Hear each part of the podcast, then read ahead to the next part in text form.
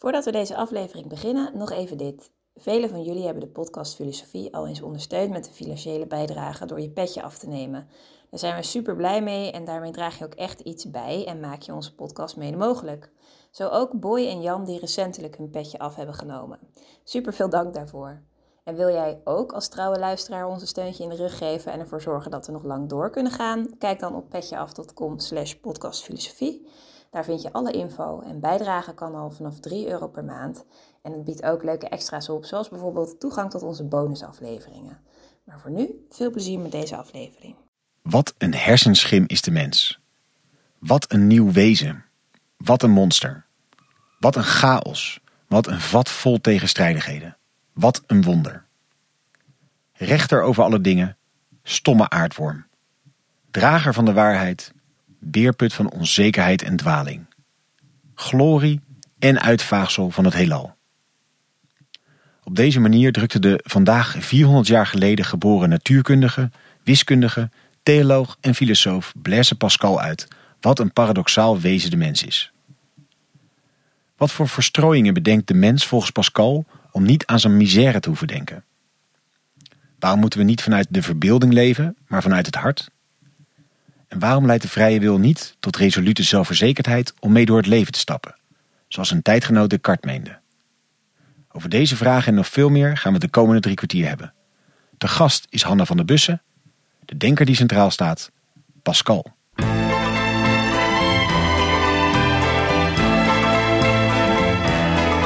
Vers les où le poids et l'ennui me courbent le dos. Dag, goed dat je weer luistert naar een nieuwe aflevering van de podcast Filosofie van het Santre Erasme School voor Filosofie. Mijn naam is Allard Amelink en je kent het concept van deze podcast wel. Een hoofdgast, een presentator en een sidekick. En ongeveer 45 minuten duiken we in het denken van één filosoof. En vandaag waarschijnlijk niet op donderdag, maar op maandag. Daarover straks meer. En uh, naast mij zit Judith en we nemen op in Akkooi. We nemen op een Akkooi, want uh, zoals jullie waarschijnlijk wel weten, woon ik daar. Maar wat jullie waarschijnlijk niet weten, is dat wij een heel beroemde dorpsgenoot hebben in Akkooi. Namelijk Jansenius is hier geboren. En Jansenius uh, is een inspiratiebron geweest voor de denker die wij vandaag gaan bespreken. Ja, dus een mooi extra ja, toevoeging om in Akkooi op te nemen vandaag. Precies.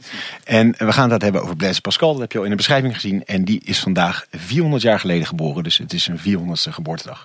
Vandaar dat we op maandag verschijnen. En vandaar ook dat we nog een bonusaflevering hebben. Die kun je nu alvast in je feed vinden. Waarin we Willem-Jan Otter spreken over zijn persoonlijke ervaringen. En uh, ja, zijn tocht zeg maar, met Blaise Pascal.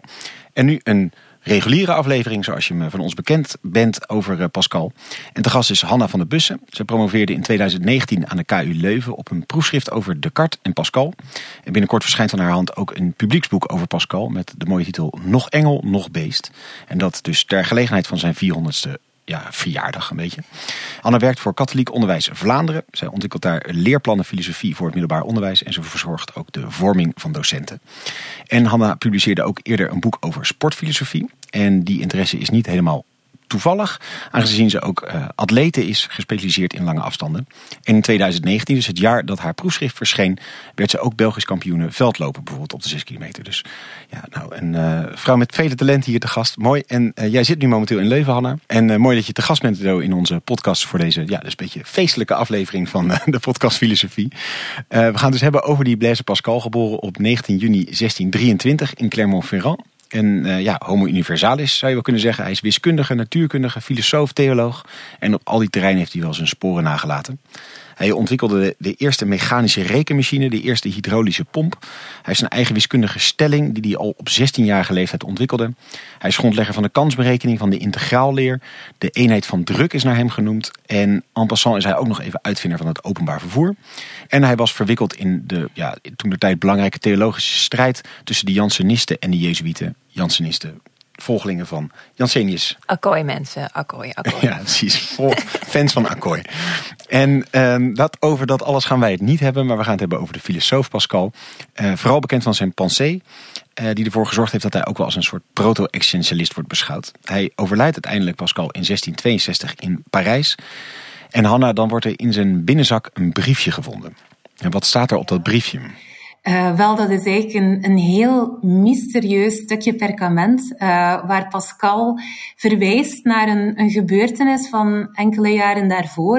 Uh, een heel mysterieuze gebeurtenis waar hij een soort openbaring kreeg. Um, en die openbaring heeft hij neergeschreven in nogal e-, enigmatische woorden. Dus hij schreef vuur, vuur. Um, maar op een bepaald moment schrijft hij de zin Le Dieu d'Abraham, d'Isaac n'est pas le Dieu des philosophes. Dus de God van Isaac en Jacob, de God van de christenen, is niet dezelfde God als de God van de filosofen. En wat is die God van de filosofen? Wel, dat is die God die eigenlijk in die 17e eeuw louter nog een soort epistemologische functie vervult. Um, Descartes zal God uh, gelijkstellen aan het idee van, de van het oneindige. Is een idee dat je zelf met je denkvermogen ontdekt en op basis waarvan je eigenlijk uh, het bestaan van God kan gaan aantonen. Pascal gaat eigenlijk doorheen zijn, zijn oeuvre en dan vooral doorheen zijn, zijn gedachten, doorheen zijn pensée, eigenlijk ja, die relatie tussen mens en die persoonlijke God van de christenen uh, centraal stellen. En dat, dat lijkt ergens een beetje tegengesteld aan dat hij zo'n wiskundige is en natuurkundige, een man van wetenschap. Uh, mm -hmm. En dit lijkt daar ergens haaks op te staan. Of, of zie je dat anders? Um, ja, in zekere zin krijgen we hier een heel andere Pascal te lezen. Hè. Dus een, een Pascal die heel sterk is beïnvloed uh, door, uh, Judith haalde het al aan, dus door, door het Jansenisme. Um, dus die eigenlijk ja, die, die relatie tussen mens en God centraal stelt en die eigenlijk ook zelfs, en dat maakt het nog wat paradoxaler, die, die zelfs ook echt openlijk kritiek gaat leveren op de wetenschapper met zijn, wat hij noemt zijn grenzeloze ambities. Ja, natuurlijk, hij is zelf zo'n wetenschapper geweest. Uh, dus dat doet je als lezer wel, wel een keer glimlachen. Um, maar is dat inderdaad een, een, breuk in zijn leven geweest? Of is dat een voortvloeisel van... Zijn die twee werelden gewoon helemaal gescheiden voor hem? Goh, op zich is dat een heel cruciaal moment in zijn leven geweest. Um, maar al op 20-jarige leeftijd raakte hij eigenlijk meer en meer in de ban van die theologische stroming van het Jansenisme. Uh, er waren daar een aantal zaken gebeurd. Uh, ja, je had uiteraard die openbaring waar ik naar, daarnet naar verwees, maar je had ook bijvoorbeeld een soort miraculeuze genezing van een, een nichtje van hem, de dochter van zijn, van zijn zus, uh, die leed aan een, aan een gezwel, aan een heel zware oogziekte. En door de aanraking met een reliquie was die oogziekte terstond genezen. Dus, uh, en dat was gebeurd in een kapel uh, die eigendom was van de Jansenisten. En dus ja, die mysterieuze gebeurtenissen die eigenlijk zich afwisselden met Pascal's wetenschappelijke ontdekkingen, ja, zorgden ervoor dat hij, ja, dat hij ook nog heel sterk bezig was met die, met die theologie. Ja, en Hanna, en toen we elkaar net in het voorgesprek uh, even spraken, zei je al dat je eigenlijk meer geïnteresseerd bent in Pascal vanwege zijn mensbeeld en iets minder in Pascal de, de theoloog, zeg maar maar. Maar veel mensen zullen Pascal ook wel weer associëren met de gok van Pascal. Kun je, kun je daar iets over zeggen? Misschien ook hoe je dat zelf ziet of nou ja. Ja, heel graag. Uh, ik denk, als je alles van Blaise Pascal hebt gehoord, dan denk je meteen aan zijn argument van de gok. Um, dat is een heel uitgebreid fragment in de pensée, in de gedachten, waar Pascal eigenlijk een soort fictieve dialoog naar voren schuift tussen zichzelf en een atheïstische gesprekspartner. En dus in dat fragment nodigt Pascal die gesprekspartner uit om te gokken op Gods bestaan. Wat enigszins wat provocerend is natuurlijk, ja, hoe kan je nu gokken op het bestaan van, van God? En hij stelt het ook werkelijk zo voor, als een spelletje kruis of munt. Welke kant gaan wij kiezen? Hij vraagt dit letterlijk. En daarna gaat hij eigenlijk een, heel, een hele argumentatie opbouwen vanuit uh, de kansberekening. Dus daar speelt zijn wetenschappelijke wiskundige achtergrond wel mee. En hij zal eigenlijk uiteindelijk zijn gesprekspartner wel redelijk overtuigen van het feit dat het wel degelijk zijn voordelen heeft om te geloven en om te gokken op Gods bestaan. Die gesprekspartner is enigszins overtuigd door de argumentatie, maar het fragment eindigt wel op een heel verrassende manier. Want uh, het eindigt niet met die overtuiging, met dat geloof in die redelijke argumentatie. Nee, die, die gesprekspartner zegt, ja, allemaal goed en wel. Ik snap de voordelen van een bestaan met God. maar je ne puis croire. Ik kan niet geloven. En Pascal, ja, een beetje een teleurstellend antwoord, die beaamt dat. Die zegt, ja, c'est vrai. Dus dat is waar. Um, en dan stelt Pascal een, een, alternatieve, in onze westerse ogen wel een beetje een, een vreemde oplossing voor. Hij zegt, ja, de enige manier om je voor te bereiden op het geloof, zegt hij, is wat hij noemt sabetier. Sabetier betekent letterlijk jezelf op dezelfde hoogte stellen als een soort machine en herhaaldelijk de rituelen eigen aan het christendom gaan uitvoeren. Als het ware doen alsof je een christen hm. bent. Dus die christenen gaan imiteren vanuit de hoop dat God op een bepaald moment ja, gaat zeggen, kijk, ik ga jou mijn genade schenken. Maar die genadegift van God is in heel Pascals gedachtegoed eigenlijk een heel willekeurige gift onafhankelijk van, van de menselijke verdiensten. Um, maar, zegt Pascal, als je dat doet, dus die christenen imiteren, zal je spontaan een veel deugdzamere levenshouding hebben dan die personen die gewoon zorgeloos staan ten aanzien van het bestaan van God, of het bestaan van God eigenlijk volledig uh, ontkennen. Dus dat is een beetje de kern van dat fragment, dat toch wel sterk tot de verbeelding spreekt. Spijtig genoeg gaan sommige mensen het gewoon louter zien als een soort alternatief godsbewijs, als een soort kritiek op René Descartes, um, waar Pascal zegt, ja, we kunnen God niet zomaar bewijzen, maar we gaan er wel een soort kansberekeningen aan koppelen. Maar het is volgens mij veel meer dan dat. Het is eigenlijk een uitnodiging om op een andere manier te gaan leven. Gokken op een leven vanuit de gedachte, vanuit de mogelijkheid dat God bestaat. Daar komt het eigenlijk in dat fragment uh, grotendeels op neer. Ja, en hij zit ergens ook dus de lezer een beetje op het verkeerde been door het ene verhaal helemaal op te tuigen en op het eind het eigenlijk weer onderuit te halen. Is dat kenmerkend voor die pensées? Want is dat een boek? Eh, het zijn natuurlijk letterlijk gedachten. Dus of is het een verzameling gedachten? Wat, wat, wat, voor type werk is dat?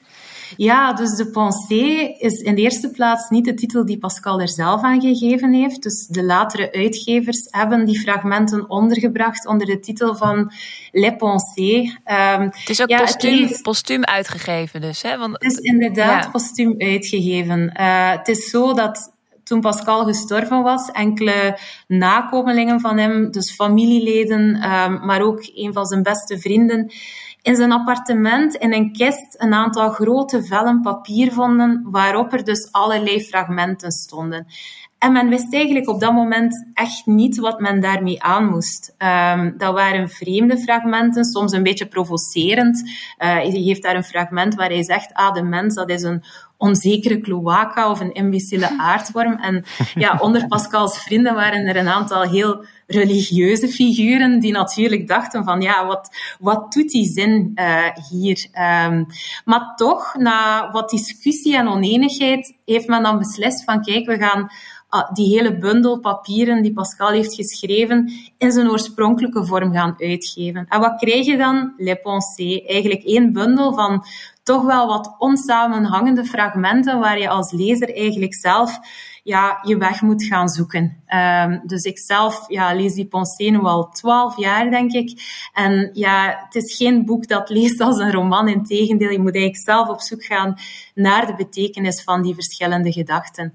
En in één wel bepaald fragment um, schrijft Pascal wel dat hij die wanordelijke stijl, die chaos van zijn fragmenten, um, ja, met een zeker doel heeft geschreven. Uh, hij zegt van als ik nu die pensée heel geordend had weergegeven, dan zou ik onrecht doen aan het eigenlijke onderwerp ervan. En wat is het onderwerp van Les Pensées? De mens. Geen transparant wezen, zoals het nu soms voorgesteld wordt, maar een wezen vol paradoxen en tegenstrijdigheden. En eigenlijk in die wanorde van die gedachten van Pascal, ja, zie je eigenlijk die, die tegenstrijdige natuur van de mens heel sterk uh, weerspiegeld. Uh, hij beschrijft de mens echt als een onbegrijpelijk monster, een monster incomprehensible, dat verscheurd wordt tussen ja, enerzijds grootheid en anderzijds misère. Um, ja, want kun je op die twee ingaan? Wat is die grootsheid en wat is die misère? Dat, is dat ook een beetje dat nog engel, nog beest van jouw titel? Ja, dat klopt. Dus de engel is de grootheid, het beest is de misère. Um, dat vormt eigenlijk echt de kern van Pascals visie uh, op de mens. Um, en om die visie echt te begrijpen, ja, dan moeten we toch een beetje een omweg maken opnieuw via Jansenius naar Augustinus.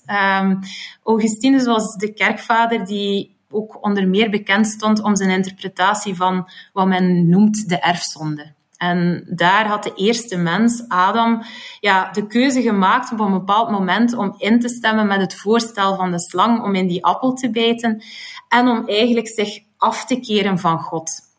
En de misère, dan komen we bij misère grandeur, de misère van de mens is eigenlijk ja, een soort smet, een soort straf van God, die aanvankelijk voor Adam alleen werd bedoeld, maar die eigenlijk doorwerkt in alle nakomelingen van Adam. Dus eigenlijk de eerste mens had die fout gemaakt.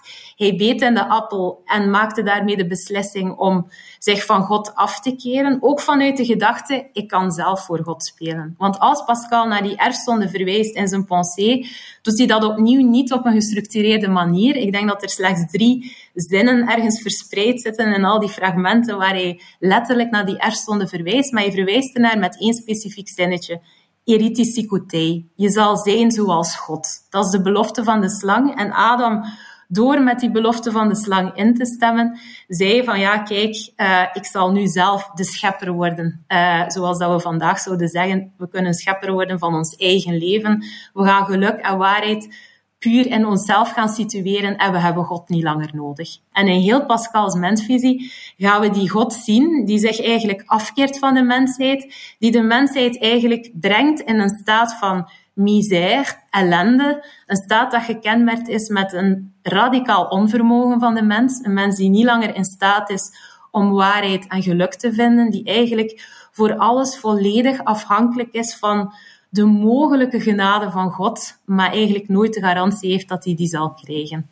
En, dat is de misère, maar vreemd genoeg gaat Pascal ook naar die grandeur of die grootsheid verwijzen. Maar misschien nog even één ding over die misère, want, want waarin geeft hij ook voorbeelden van waar die misère uit blijkt, zeg maar? Of, of is het vooral een theologisch inzicht? Of is het ook dat hij zegt, ja, kijk maar eens om je heen naar de ellende in de wereld, bijvoorbeeld, wat natuurlijk denk ik een hele logische uh, parallel zou zijn of iets, of een uiting daarvan? Of koppelt het niet op die manier van hoe mensen elkaar ja. naar het leven staan of zo?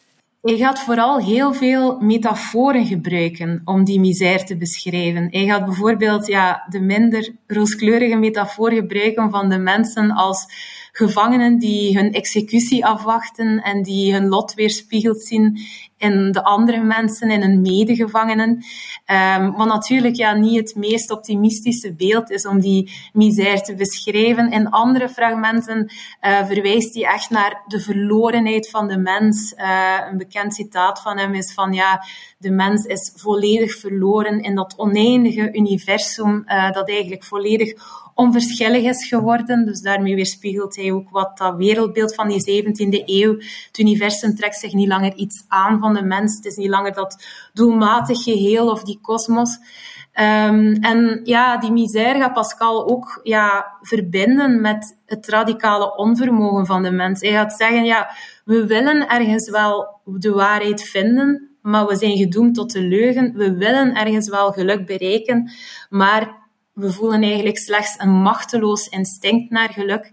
Dus hij, gaat eigenlijk doorheen zijn pensée voortdurend ja, die, die ellende van de mens gaan, gaan illustreren en gaan vatten in, in verschillende metaforen. Ook in ja, nogal pessimistische beschrijvingen, zoals ik daarnet al zei. Hij zegt, ja, de mensen dat zijn imbeciele aardwormen, onzekere kloakas, uh, ja, uh, onbegrijpelijke monsters. Ja, het is niet dat hij een, een heel optimistische visie lijkt te verkondigen, maar toch is het ook geen, geen zwartgallige zuurpruim of een misantroop, denk ik.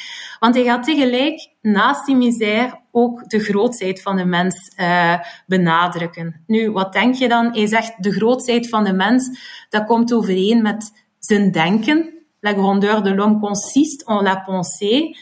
En dan maakt hij eigenlijk opnieuw een heel verrassende wending. Want je zou denken, ah ja, hier lijkt Pascal eigenlijk volledig de visie met een Descartes te delen. Descartes die ook zegt, ja, met ons cogito ja, kunnen we ons als meester en uh, heerser van, van de natuur maken. Maar dat denken voor Pascal is niet gericht in, op de vooruitgang van kennis, maar net op het inzicht in onze miserabele conditie. Want wat stelt Pascal vast? De mens is geworpen in die misère, in die ellende, Maar hij doet er eigenlijk alles aan om die gedachte aan zijn ellende ja, te ontsnappen. Um, en daarvoor gebruikt hij heel wat verschillende strategieën. Hij gaat bijvoorbeeld op zoek naar allerlei activiteiten die hem die ellende doen vergeten. En dan komen we terecht bij ja, een van zijn bekendste thema's, le divertissement of de verstrooiing. Um, hij gebruikt dat begrip divertissement zowel in het enkelvoud, wat eigenlijk betekent de afleiding voor de gedachte aan de misère, maar ook in het meervoud, le divertissement. En dat zijn dan eigenlijk alle uitdrukkingen van die ene afleiding. En die, die divertissement, dat kan van alles zijn. Dat kan ja, een loopwedstrijd lopen zijn, dat kan een academische presentatie geven zijn, dat kan oorlog voeren zijn, dat kan met filosofie bezig zijn, dat kan een gesprek voeren zijn. Dus elke menselijke activiteit valt onder dat concept van divertissement en is eigenlijk bedoeld om de mens af te leiden van die gedachte aan zijn misère of ellende. En die grootheid van de mens is als die inziet dat die misère bestaat, zeg maar. Dus, dus je moet ergens die grootheid bereiken door je niet te laten verstrooien. Dat klopt. En, en Pascal wil eigenlijk vooral, denk ik, doorheen zijn pensée zijn lezers ook aanmoedigen om die gedachte aan zijn misère te gaan cultiveren. En hoe doet hij dat? Ja, door soms wat verontrustende beschrijvingen te geven, dus van de condition humaine. Um, door ja, onder andere te verwijzen naar de oneindigheid uh, van het universum. Dus dat de mens eigenlijk een keer rondom zich kijkt en beseft dat hij niet als wezen in het middenpunt staat van de kosmos. Dus zoals ja, men in de renaissance bijvoorbeeld wel beweerde, zoals Descartes beweerde met zijn idee van on peut se rendre maître possesseur de la nature. Dus Pascal gaat eigenlijk telkens opnieuw die pretentie van de mens om zelf in het middelpunt te staan van de wereld voor altijd ontkrachten. En gaat hem eigenlijk ja, met zijn, ja, als het ware met zijn voeten op de grond brengen en zeggen van kijk, heb nu inzicht dat je eigenlijk geen noodzakelijk wezen bent zoals God, maar eigenlijk een, een, ja, een nietig, wezen dat eigenlijk ja, moet erkennen dat die vergankelijk is, dat die sterfelijk is en dat die gedoemd is tot die conditie van, van misère of van, van ellende. Hey, en die grootheid is dan dus het inzicht in die geworpenheid in de, in de misère. Maar is die verstrooiing daarmee dan iets negatiefs? Uh, of is dat.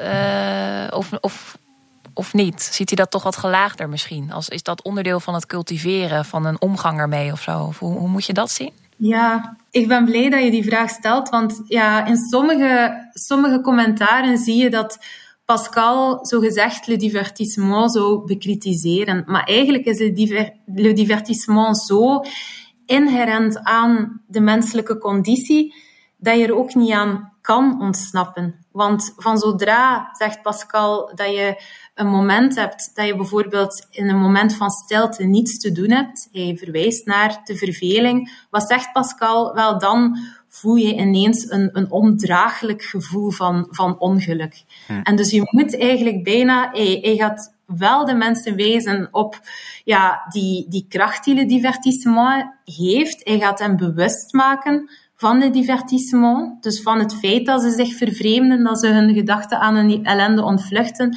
Maar je gaat tegelijk aangeven van, kijk, ja, er is ook geen ontkomen aan. Dat is ons bestaan nu eenmaal. Eigenlijk is een mensenleven één aaneenschakeling van allerlei vormen van divertissement.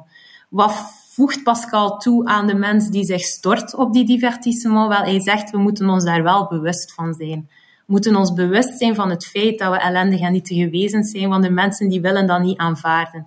Die gaan ook elke vorm van divertissement ook gebruiken als een manier om een soort illusoire grootheid daarin te vinden. Bijvoorbeeld, je gaat zeggen van ja, kijk, in elke activiteit ja, gaan we niet zomaar ons wat uh, gaan amuseren. Nee, we willen ook telkens en opnieuw de beste zijn. Dus hij gaat ook zeggen van ja, we willen niet zomaar uh, ja, een, een prijs krijgen uh, als we deelnemen aan een spel. Nee, we willen er ook voor strijden, we willen er ook voor vechten, we willen een soort passie en overgave beleven in die activiteit. Dus, uh, dus dat maakt le divertissement wel tot een, een heel dynamisch, maar ook ja, een heel complex concept, maar onvermijdelijk om bij Pascal die menselijke conditie te begrijpen. Ik vind, vind, het woord grootsheid interessant bij het inzicht in je ellendige staat. Want dat zou ik zelf nou niet, als ik een woord ervoor zou bedenken, grootsheid moeten noemen. Maar meer Ja, weet ik veel. Je bent ellendig en daar heb je dan ook zicht op. Ja, Dat- depressie of zo. Ja, precies. Ja, wa- Waarom, waarom noemt u dat grootsheid? Ja, inderdaad. Ik denk dat, je, ja, dat dat toch wel het meest positieve begrip of concept is dat Pascal in zijn, in zijn pensée gebruikt.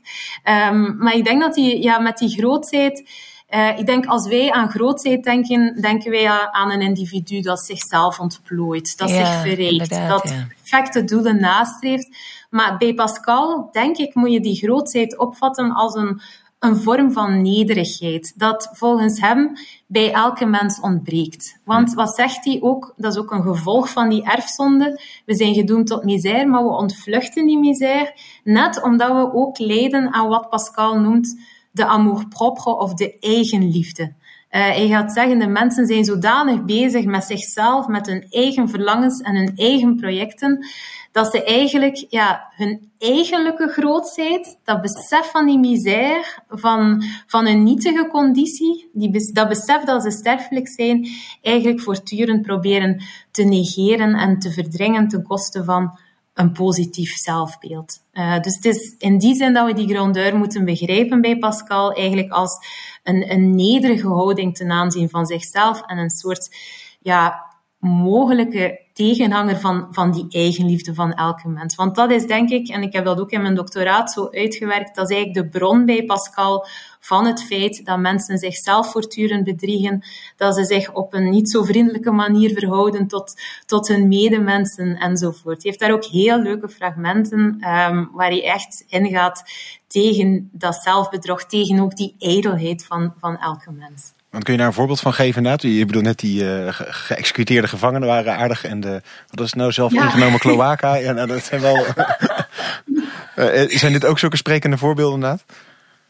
Ja, dus eh, ja, eh, ja heel, heel positief en menslievend zijn ze niet. Ehm, maar Pascal zegt bijvoorbeeld eh, op een bepaald moment, ja, we houden nooit van personen, maar alleen maar van kwaliteiten. En als onze vrienden zouden weten wat we in hun afwezigheid over hen vertellen, dan zouden er geen vier vriendschappen op de hele wereld meer overblijven. Dus hij gaat eigenlijk bijna letterlijk in tegen een Montaigne die schrijft van ja, de vriendschap is de hoogste deugd, eh, omdat hij het is, omdat ik het ben. Ja, voor Pascal is dat absoluut onmogelijk. Vriendschap en liefde, zegt Pascal, die hangen af van heel toevallige eigenschappen die vervangbaar zijn, die met de leeftijd verdwijnen.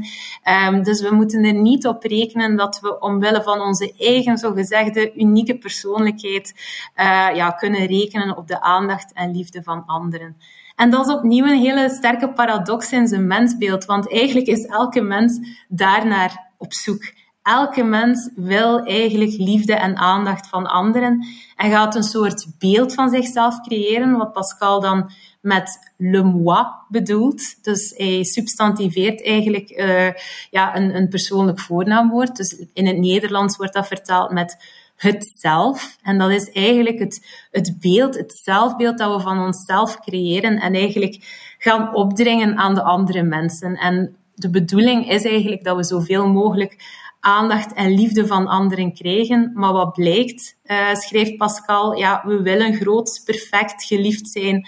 Maar eigenlijk zijn we maar gebrekkige wezens die enkel maar op de haat en afkeer van anderen kunnen uh, rekenen. Dus uh, ja, hij legt eigenlijk op een heel scherpzinnige manier ja, die onderlinge hypocrisie, dat onderlinge bedrog tussen mensen bloot. Is dat in zijn tijd nou iets ja, heel nieuws of zo? Als wij er hier zo over praten, dan, dan nou, heb je een beetje het gevoel dat het toch al een soort nou ja, schaduw vooruitwerpt. Of hoe, hoe moet je dat zeggen? Een soort. Uh, je hoort hier al wel wat uh, psychoanalyse in, of misschien de, wat, Mm. meer de existentialisten en zo. Is dat nou in zijn tijd, zijn dit totaal nieuwe, uh, nieuwe uh, denkbeelden? Dus dat je ook bezig bent met de dubbelzinnigheid in menselijke karakter of, of in, het, in het zelfbeeld. Hoe, hoe moeten we dat zien in zijn tijd? Ja, um, in zekere zin was Pascal ook wel geïnspireerd door, door moralisten van die tijd. Denk aan La Rochefoucauld, Nicole, een iets minder bekende figuur, maar die eigenlijk ook heel gelijkaardige zaken schreef. En ook die moralisten van de 17e eeuw, die waren ook sterk beïnvloed door die gedachte van uh, ja, die menselijke misère, maar ook die gedachte van ijdelheid. Dus ah, ja. uh, zeker ja, als je bijvoorbeeld La Rochefoucauld, maar ook bijvoorbeeld Molière leest, ja, dan zie je ook een soort kritiek op de hypocrisie die er heerst uh, tussen mensen, uh, die kritische blik op de manier waarop dat de mens zich tot zichzelf verhoudt. Um, ja, denk aan Molière, zijn werk Le Parasite. Wel, ja, dat is ook iemand die parasiteert op de liefde en aandacht van die hele familie waar dat hij doordringt en ja, zichzelf eigenlijk ja, volledig opblaast, bijna letterlijk, uh, om, om eigenlijk ja, opnieuw een soort, een, voor een soort God te spelen. Uh, dus dat is het eigenlijk wel. Dus Pascal was wel door die moralisten wat geïnspireerd, maar zijn originaliteit bestaat er volgens mij en dat hij het dan echt linkt aan, aan zo'n originele concepten als le moi, le divertissement, echt filosofische concepten die wel vernieuwend zijn en die tegelijk ook in onze dagdagelijkse tijd, zonder het te banaliseren, maar toch ook wel wat herkenbaar zijn. Uh, zeker die idee van ja, dat alles nog een soort illustratie is bij ons ego, dat de wereld fungeert als een soort ego-decor. Ja, dat klinkt wel ergens heel Pascaliaans, uh, denk ik. Ja, en ik denk ook zeker zo'n concept als verstrooiing, daar worden ons natuurlijk ook misschien nog steeds meer dingen in aangereikt. Um, verbeelding is ook een term die uh, veel terugkomt bij Pascal. Wat, welke rol speelt dat in zijn denken? Ja, de verbeelding is ook een heel fundamenteel concept. Uh, ze manifesteert zich eigenlijk als een soort alomtegenwoordige kracht in de mens en een vermogen dat elk menselijk oordeel gaat uh, bepalen. Um, dus waar de traditionele filosoof ja, verwijst naar onze reden, naar ons denken als bron van onze oordelen, zowel in het domein van de waarheid als in het domein van de moraal, verschijnt de verbeelding eigenlijk bij Pascal als ja, het vermogen in de mens die alle functies van die reden heeft overgenomen. En dat heeft allerlei gevolgen. Dus die verbeelding, zegt Pascal, dat is een, uh, ja, hij noemt daar ook de meesteres der dwalingen en vergissingen. Dat is eigenlijk een, een capaciteit in de mens die alle mogelijke onderscheidingen tussen waar en vals, tussen goed en kwaad, betekenisvol en betekenisloos met elkaar kan verwarren. Dus ze kan zichzelf als maatstaf voor de waarheid profileren, maar ook als maatstaf voor de leugen. En ze gaat eigenlijk elk menselijk oordeel uh, ja, bepalen en alle menselijke oordelen ook eigenlijk in de war sturen. Uh, en Pascal heeft daar hele grappige voorbeelden ook van. Hij zegt van ja, de verbeelding is in staat om een néant, een klein, nietig, minuscuul detail, op te blazen tot een berg. Elle grossit un néant en montagne. En wat is die berg? Een heel belangrijk, complex wereldfenomeen. En het meest sprekende voorbeeld in die context is wat hij noemt de neus van Cleopatra. Um, Pascal zegt, ja, het is door eigenlijk ja, die lengte van die neus dat Cleopatra de hartstocht van Keizer heeft gestimuleerd. En net daardoor ja, heeft het universum eigenlijk een bepaalde wending gekregen. Dus een futiel detail, een neuslengte, heeft ervoor gezorgd dat er een soort passionele liefde ontstaat die op haar beurt leidde tot een, ja, een, een hele verandering in het, in het Romeinse Rijk. En zo zijn er nog voorbeelden. Hij heeft het over de verpletterende kracht van een zoemende vlieg. Um, over het feit dat als je een monnikskapje draagt, dat je zeker 21.000 man onder je staan hebt. En ja, dat maakt Pascal ook wel uh, heel aangenaam om te lezen. Um, maar en, en, en, wat bedoelt hij met die verbeelding? Want ik, ik snap het dus net, het komt in de plaats van de reden beschouwt u dat nou als positief, als negatief? Is het een feitelijke beschrijving? Want je zegt dus het is tweeledig. Het is wel, kan het waarheid, een maatstaf voor waarheid zijn als voor leugen. Maar is het een positief ding? Constateert hij dit gewoon? Hoe moeten we het zien? Hij beschrijft daar werking. Um, hij wil eigenlijk vooral begrijpen ja, hoe het komt dat de mens ja, heel futiele zaken heel sterk opblaast. Dus dat hij waarde hecht aan, aan zaken die er eigenlijk niet toe doen en onverschillig blijft ten opzichte van onverschillige zaken. En de, de verbeelding is, eigenlijk is voor Pascal het concept dat dat verklaart. En hij gaat ja, die verbeelding wel in heel negatieve termen beschrijven. Ze vormt de bron van vergissingen. C'est la manipulatrice par excellence, schrijft zij. Dus het is echt wel een, een manipulatieve kracht in de mens die eigenlijk ja, alle traditionele onderscheidingen waar en vals, schoonheid en kitsch door elkaar haalt. En eigenlijk onze verhouding tot de wereld bepaalt en dus ook verstoort. Uh, het is eigenlijk door de verbeelding, zegt Pascal, dat er geen zuivere relatie van de mens tot de wereld of van de mens tot zichzelf eigenlijk mogelijk is. Koppelt hij die verbeelding ook nog aan uh,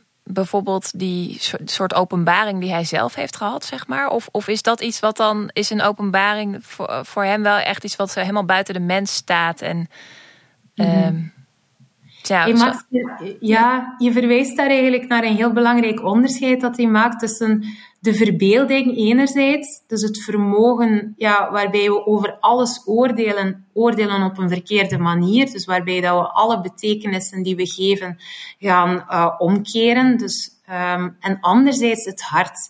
En het hart is voor Pascal ja, het orgaan, het vermogen dat niet zelf gaat oordelen, maar dat ontvangt. Het is een receptief vermogen. En eigenlijk die bekering van Pascal, die mysterieuze openbaring, ja, dat is een moment, zegt Pascal, waar die christelijke God zich ja, heeft getoond in, in Pascals hart. Maar het probleem van de mensen, zegt Pascal, bestaat erin dat ze eigenlijk een, een hart, een gevoel verwarren met die verbeelding. Dus dat ze eigenlijk denken van, ja, ik heb de waarheid gevonden, uh, of ik heb het geluk gevonden, maar dat dat eigenlijk een product is van een verbeelding in plaats van, van een hart.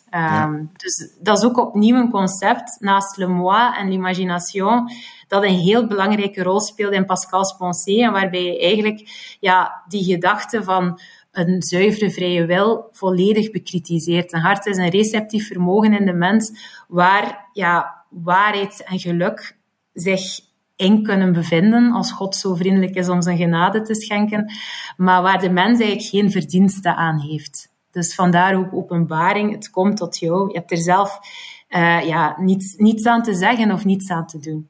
Uh, we hebben het over verstrooiing gehad en dat filosofie daar ook een, ja, ook een uiting van is. Hoe verhoudt hij zichzelf dan tot, nou, ook als een geschrifte en tot zijn wetenschap en tot zijn hele eigen bestaan? Zeker ten aanzien van die Paul heeft natuurlijk iets ironisch dat je schrijft over verstrooiing maar dat hetgene wat je schrijft ook een vorm van verstrooiing is. Gaat hij daar zelf ook op in? Of... Op, op, dat man, op die manier, hij is wel een beetje sluw. Dus die, die negeert, die gaat eigenlijk geen enkele expliciete verwijzing geven naar zijn eigen wetenschappelijke ontdekkingen in Le Pensée. Het enige wat hij gebruikt, is die kansberekening daar in zijn, in zijn gok op God. Maar voor de rest is Pascal verdacht stil over zijn eigen wetenschappelijke successen. Um, dus, en dat is het paradoxale aan, aan hemzelf een beetje. Hij gaat bijvoorbeeld zeggen dat de curiositeit van de wetenschapper, de nieuwsgierigheid van de wetenschapper, ja, dat dat eigenlijk een, een ziekte is waar we ons maar beter voor behoeden. Dat de ambitie van wetenschappers soms nog eindelozer is dan het object dat ze gaan onderzoeken. Uh, dus hij is eigenlijk wel ja, op, dat, op dat vlak een beetje een imposteur. Dus hij gaat eigenlijk ja, enerzijds jezelf heel grote, ambitieuze wetenschappelijke experimenten gaan doen, grootste ontdekkingen gaan realiseren. Maar anderzijds gaat hij die wetenschapper waar hij, zelf ook, waar hij er zelf een van was, ja, wel genadeloos uh, bekritiseren. En, en ook ten aanzien van het hele project van de Pensée zelf, is hij daar ook iets op? op dat, want uiteindelijk is dat ook misschien een vorm van verstrooiing, je gedachten op papier zetten, of is dat dan wel een zuiverend werk richting grootsheid? Goh, ik denk in zekere zin, die pensée waren eigenlijk aanvankelijk bedoeld, of zo had Pascal het voorgesteld aan de mensen uh, aan wie hij toevertrouwde, was eigenlijk bedoeld als een soort apologie voor het christelijk geloof. En wat is een apologie? Wel eigenlijk een werk waarin je de waarheid van de christelijke religie probeert te demonstreren. En normaal gezien verwacht je dan een mooi gestructureerde argumentatie met verschillende argumenten om ja, mensen eigenlijk warm te maken, zoals men vandaag zou zeggen, voor het christelijk geloof. En ik denk dat dat misschien de enige uh, ja, vorm is van divertissement dat je zou kunnen verantwoorden als iets wat echt, wat echt goed is. Uh, dus waar Pascal eigenlijk ja, zijn, de, de nobele intentie heeft om zijn lezers te overtuigen van de waarde van het christendom en dat daar het geluk te vinden is. Want le divertissement is niet alleen een afleiding uit de eigen misère, maar zoals ik al zei, de mens gaat daar ook wel altijd op zoek naar een vorm van grootheid, maar ook naar een vorm van geluk. Maar niet het geluk dat hij zou vinden, zegt Pascal, als hij echt in God zou geloven, als hij Gods genade zou, zou ontvangen, bijvoorbeeld. Ja. Ik denk misschien tot, slot um, de, de doorecho's van um, uh, existentialisme en um, psychoanalyse hebben denk ik al even genoemd. Uh, misschien ten aanzien van zijn tijdgenoot na Descartes, ook het onderwerp van jouw proefschrift, waarin hij wordt in de, in de verhalen wel zo echt expliciet tegenover elkaar geplaatst. Zeg maar Descartes versus Pascal, de man van de reden versus de man van het hart dan inderdaad. Is dat een mhm. terechte positionering tegenover elkaar? Goh, Eigenlijk niet, denk ik. Uh, maar ja, uiteraard moet je wel zien, ja, die, die these wat nuanceren. Maar ja, het is zo dat Pascal nogal gemeen doet tegen Descartes. Hij gaat heel expliciet zeggen dat Descartes nutteloos en onzeker is. Uh, dat zijn godsbewijzen eigenlijk echt een grote vorm van tijdsverlies zijn. Dat is echt ehm, onaardig. dat is echt onaardig. dus uh, ja, het is, het is wel geen denker waarmee dat je rustig op café menslievend kan gaan doen. Absoluut niet. Um, maar eigenlijk doorheen zijn pensée voert hij één grote impliciete discussie met Descartes, uh, waar hij eigenlijk ja, één concept van Descartes heel sterk aanvalt. Niet zozeer de reden, denk ik, maar het concept van een absoluut vrije wil. Want wat doet René Descartes in zijn filosofie? Enerzijds gaat Descartes de wil gaan uh, associëren met het domein van de waarheid. Want Pascal gaat zeggen, de wil is dat vermogen in de mens die hem in staat stelt om ware oordelen te vormen. Maar anderzijds speelt de wil bij Descartes ook een cruciale rol in het domein van de moraal. Want hij gaat zeggen, de wil is net dat vermogen in de mens die ervoor zorgt dat hij in dit leven tevreden kan zijn. Dat hij zelfbewust en zelfzeker door het leven kan gaan stappen, marcher avec assurance en cette vie, met een soort resolute kracht en eigenlijk altijd keuzes maakt volgens de best mogelijke oordelen. Dus Descartes schenkt in zijn filosofie een heel sterk vertrouwen in die menselijke wil, een zuiver vermogen, uh, dat de mens eigenlijk ja, doet uitstijgen boven zichzelf. Uh, ja, wat we vandaag ook bijvoorbeeld in wat voluntaristische theorieën terugvinden, ook die liberale gedachte zit daarin. De mens kan zichzelf overstijgen. En als hij, zolang hij de juiste methode volgt en zijn wil op de juiste dingen gaat richten, wel, dan kan de mens perfect de schepper zijn van een, een goed en gelukkig leven. Dat gaat Pascal met de grond gelijk maken. Voor Pascal is de menselijke wil niet het vermogen tot, tot waarheid en geluk, maar het vermogen tot leugens en tot een voortdurende onrust en, en ontevredenheid. Um, Pascal gaat bijvoorbeeld schrijven ja, dat onze wil um, eigenlijk samenvalt met een aantal passies, waaronder de eigenliefde bijvoorbeeld, waardoor hij eigenlijk enkel instemt met ideeën die haar aanstaan. En dat zijn ideeën rond het zelf, rond de eigen kwaliteiten. De wil is bij Pascal eigenlijk niet geïnteresseerd in het ware, maar gaat zich enkel richten op objecten die haar te goede komen, vanuit het, het eigen belang. En daardoor ja, gaat de mens volgens Pascal veel sterker geneigd zijn tot leugens en tot vergissingen dan tot de waarheid. Tweede punt van kritiek, Pascal, Pascal gaat ook absoluut niet zeggen dat de wil de bron zou zijn van een, een gelukkig leven waar de mens een soort zelftevredenheid gaat bereiken. Descartes spreekt ook letterlijk van contentement de soi. Nee, voor Pascal is de wil net ook um, die drijfkracht in de mens die zorgt voor een voortdurende rusteloosheid. Um, zoals we die ook zien in le divertissement. De mens gaat onophoudelijk op zoek naar activiteiten die hem eigenlijk afleiden van die gedachte aan zijn aan zijn misère, waardoor dat de mens niet gaat zelfverzekerd door het leven stappen als bij Descartes, maar eigenlijk voortdurend onzeker en onrustig op zoek gaat naar activiteiten die hem, waarvan hij hoopt dat ze hem gelukkig maken. Um, wat uiteindelijk niet het geval is. Um, dus Descartes ja, treedt eigenlijk echt naar voren.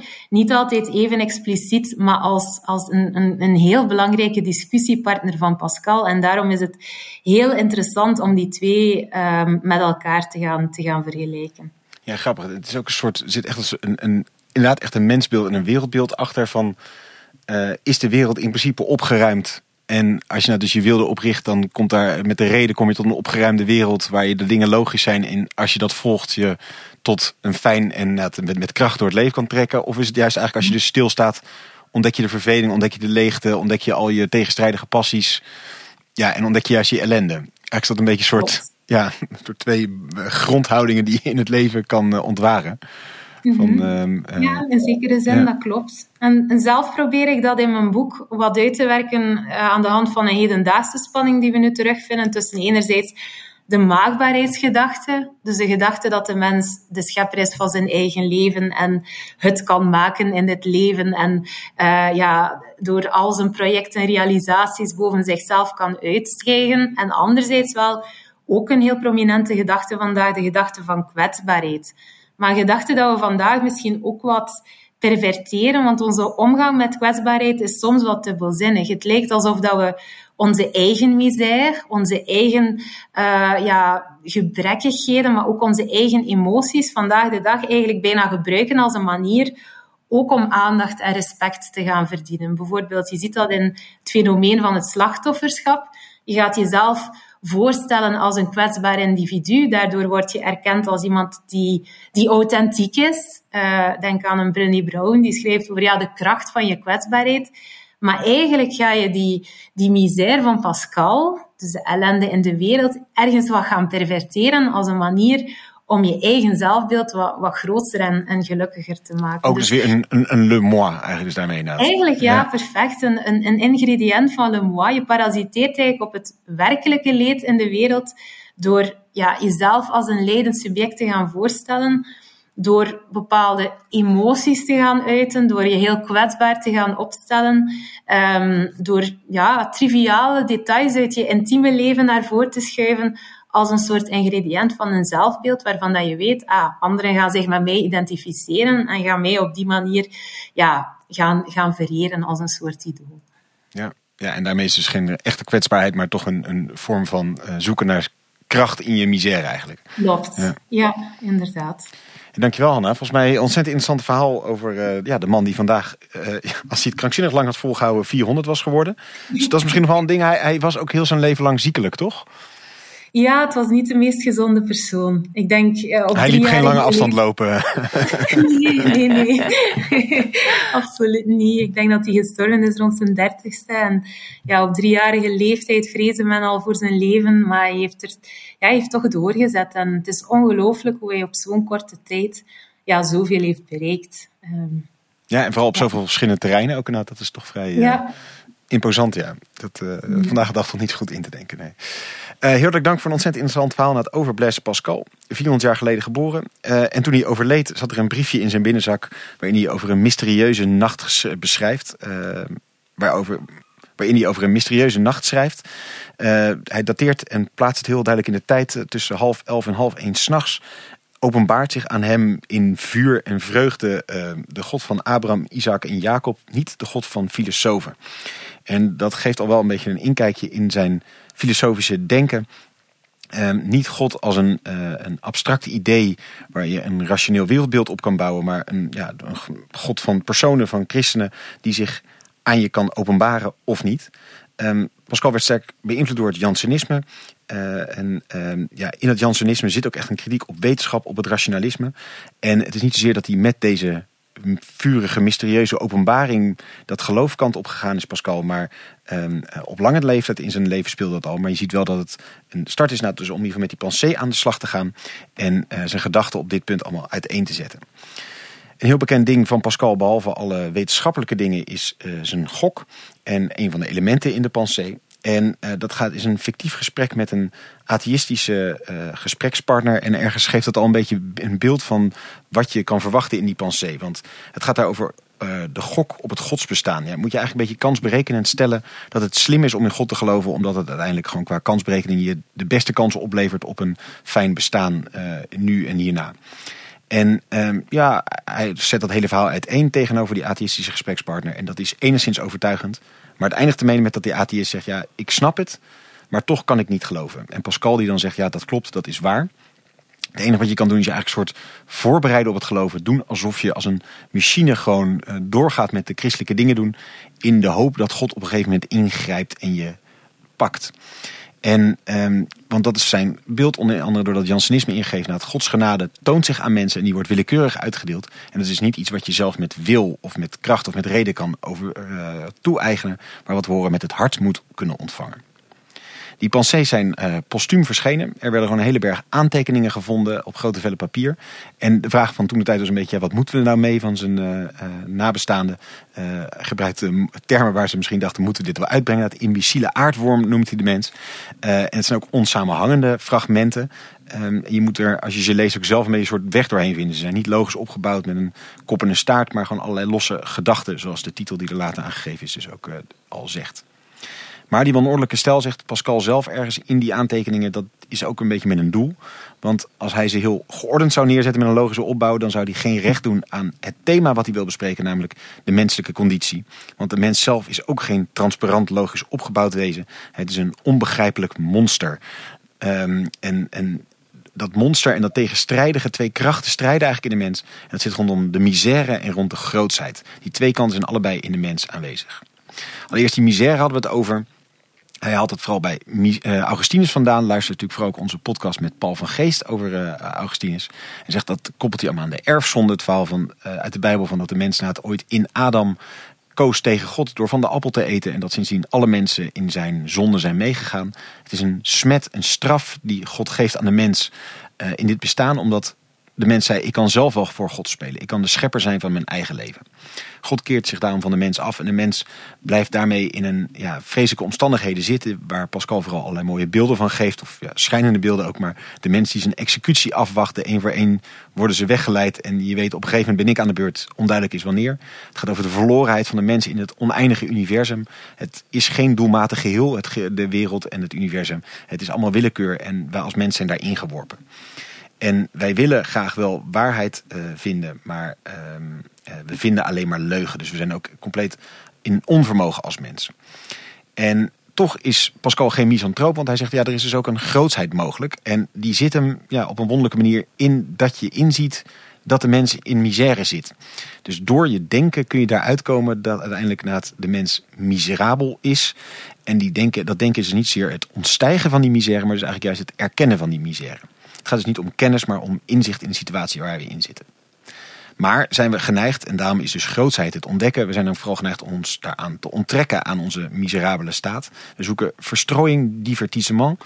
En ja, dat kan eigenlijk alles zijn van uh, nou, lange afstand lopen tot Netflix-serie kijken, tot uh, de podcast filosofie luisteren. Alles is een vorm van afleiding van ja, het grootste uh, ellende waar we in zitten. Nee, we willen graag een, een eigen wereld creëren. De mens is niet het middelpunt, dat moeten we willen inzien. Wij zijn niet noodzakelijk en toch zijn we geneigd om die vraag uit de weg te gaan en dat inzicht uit de weg te gaan. Judith vroeg toen goed uit, is dan die divertissement alleen maar slecht? Nou ja, het is in ieder geval, Pascal is er wel gewoon realistisch over. Je kunt er niet aan ontsnappen. Um, maar wees je er daarom van bewust dat het dus een kracht is die je afleidt van de, ja, de werkelijkheid waar we eigenlijk voor moeten staan. Het is uh, daarnaast ook nog mogelijk dat je die divertissement, dat is helemaal uh, verdraaid, uh, zich zo aan je voordoet dat je denkt dat je er een echte een grootheid in vindt. Dus dat je, je ergens heel erg voor inspant en daar heel erg je best voor gaat doen.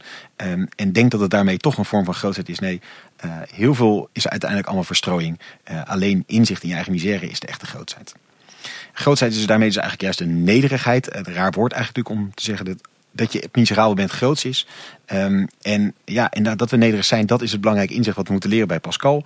Um, eigen liefde staat ons veel te veel in de weg. Wij zijn de hele bezig om uh, liefde voor onszelf te vinden, liefde van anderen te vinden. Maar heel vaak bestaat het uit zelfbedrog. We houden een beeld van onszelf vol. We creëren een le moi om te zorgen dat mensen van ons gaan houden, dat mensen ontzag voor ons hebben. Maar daarmee creëren we dus een leugen om ja, dat te krijgen wat we zoeken, namelijk erkenning en liefde van anderen. Was Pascal in dit alles nou compleet nieuw en uh, zijn tijd ver vooruit? Nou, hij had wel inspiratie onder andere geput uit de moralisten uh, van zijn tijd, van de 17e eeuw, die ook wel schreven over deze dingen van hypocrisie en uh, jezelf anders voordoen en jezelf met een beeld opblazen om ja, anderen in de weg te zitten. Um, Hanna noemde onder andere de parasiet van Molière. Um, maar toch geeft Pascal daar echt zijn eigen draai aan door dat ook te koppelen met die reden. Um, Daarnaast een andere term is verbeelding belangrijk. Um, Pascal ja, observeert eigenlijk van we gebruiken de verbeelding heel vaak als een bron van kennis, maar tegelijkertijd is die verbeelding eigenlijk een meesteres van dwalingen en vergissingen. We denken dat we waarheid vinden, maar um, zoomen in op details en blazen die vervolgens met onze verbeelding helemaal op. Maar dat leidt juist eigenlijk tot allerlei onduidelijkheden, tot leugens, tot dingen die niet uh, kloppen. En dat verklaart dus waarom we zo'n aandacht voor details hebben. En dat bepaalt dus ook onze verhouding tot de wereld. En die verbeelding verstoort die relatie met de wereld. Tegenover de verbeelding, dat is juist creëren wat er eigenlijk niet is, onszelf iets indenken, staat het hart. En het hart is dan dus een receptief vermogen voor de openbaring van God. Dat is dus niet de vrije wil, maar juist een ja, ontvankelijkheid. En daarmee staat het dus ook denken van Pascal Haaks op uh, Descartes. Tot slot naar die pensée zelf inderdaad. Van, ja, is dat dan niet een beetje uh, ironisch dat hij zelf schrijft over verstrooiing, Pascal. En dat ook misschien de pensée zelf een vorm van verstrooiing zijn. Nou, misschien, zei Hanna, zijn dan de pensée nog de enige vorm die nog een beetje een acceptabele vorm van verstrooiing is. Uh, omdat het de mens probeert uiteindelijk uh, te laten zien van welke omstandigheden hij of zij in verkeert. Um, hij is wel kritisch ook op de wetenschap. En hij zegt ja, de nieuwsgierigheid van wetenschappers is eigenlijk ook een vorm van ziekte. Tot slot hebben we gehad over Descartes en Pascal inderdaad. Waar Descartes heel erg zegt van ja, de wil is zowel een rol speelt die in de reden als in de moraal. En als je uh, vanuit die wil leeft en vanuit die reden leeft, dan kun je een heel normaal opgeruimd leven leiden. Dan krijgen we een resolute kracht om door het leven te gaan. De mens kan zichzelf overstijgen. Nou, Pascal fakkelt dat helemaal af. Um, hij zegt juist, de mens heeft allemaal passies die alleen maar op eigen belang zijn ingericht. Dus uh, die wil leidt je juist een verkeerde kant op. En de wil zorgt juist ook voor enorme onrust in jezelf. Juist niet zelfverzekerd door het leven gaan, maar juist een enorme onrust. En daarom koppelt Hanna dus in haar boek Nog Engel, Nog Beest aan de maakbaarheidsgedachte versus kwetsbaarheid. Maakbaarheid natuurlijk dan heel erg in die lijn van Descartes. Van we kunnen onze eigen wereld creëren. En als we maar goed uh, en fris genoeg nadenken, dan kunnen we alles bereiken. Versus kwetsbaarheid, maar hoe ook dat is mooi Pascaliaans misschien inderdaad, ironisch genoeg dan vaak ook kwetsbaarheid weer juist wordt tot iets maakbaars. Als je maar je slachtofferschap goed cultiveert en dat neerzet als de kracht van kwetsbaarheid, dan is het alsnog weer een le moi, een masker wat je neerzet. En is het dus niet de echte misère die Pascal ons probeert aan te praten. Uh, dankjewel Hanna, volgens mij voor een heel helder verhaal. Uh, en dank dat het vanaf deze afstand vanuit Leuven kon. Uh, dankjewel Judith hier naast mij. En jij natuurlijk heel hartelijk dank voor het luisteren. Dit is ook de laatste aflevering van dit seizoen. Um, hartelijk dank voor het luisteren in grote getalen. Luister vooral onze oude aflevering nog weer eens terug. En vergeet dus niet de mooie bonusaflevering met Willem-Jan Otte, PC hoofdprijswinnaar, over zijn persoonlijke verhaal met Pascal. En heel graag tot na de zomer.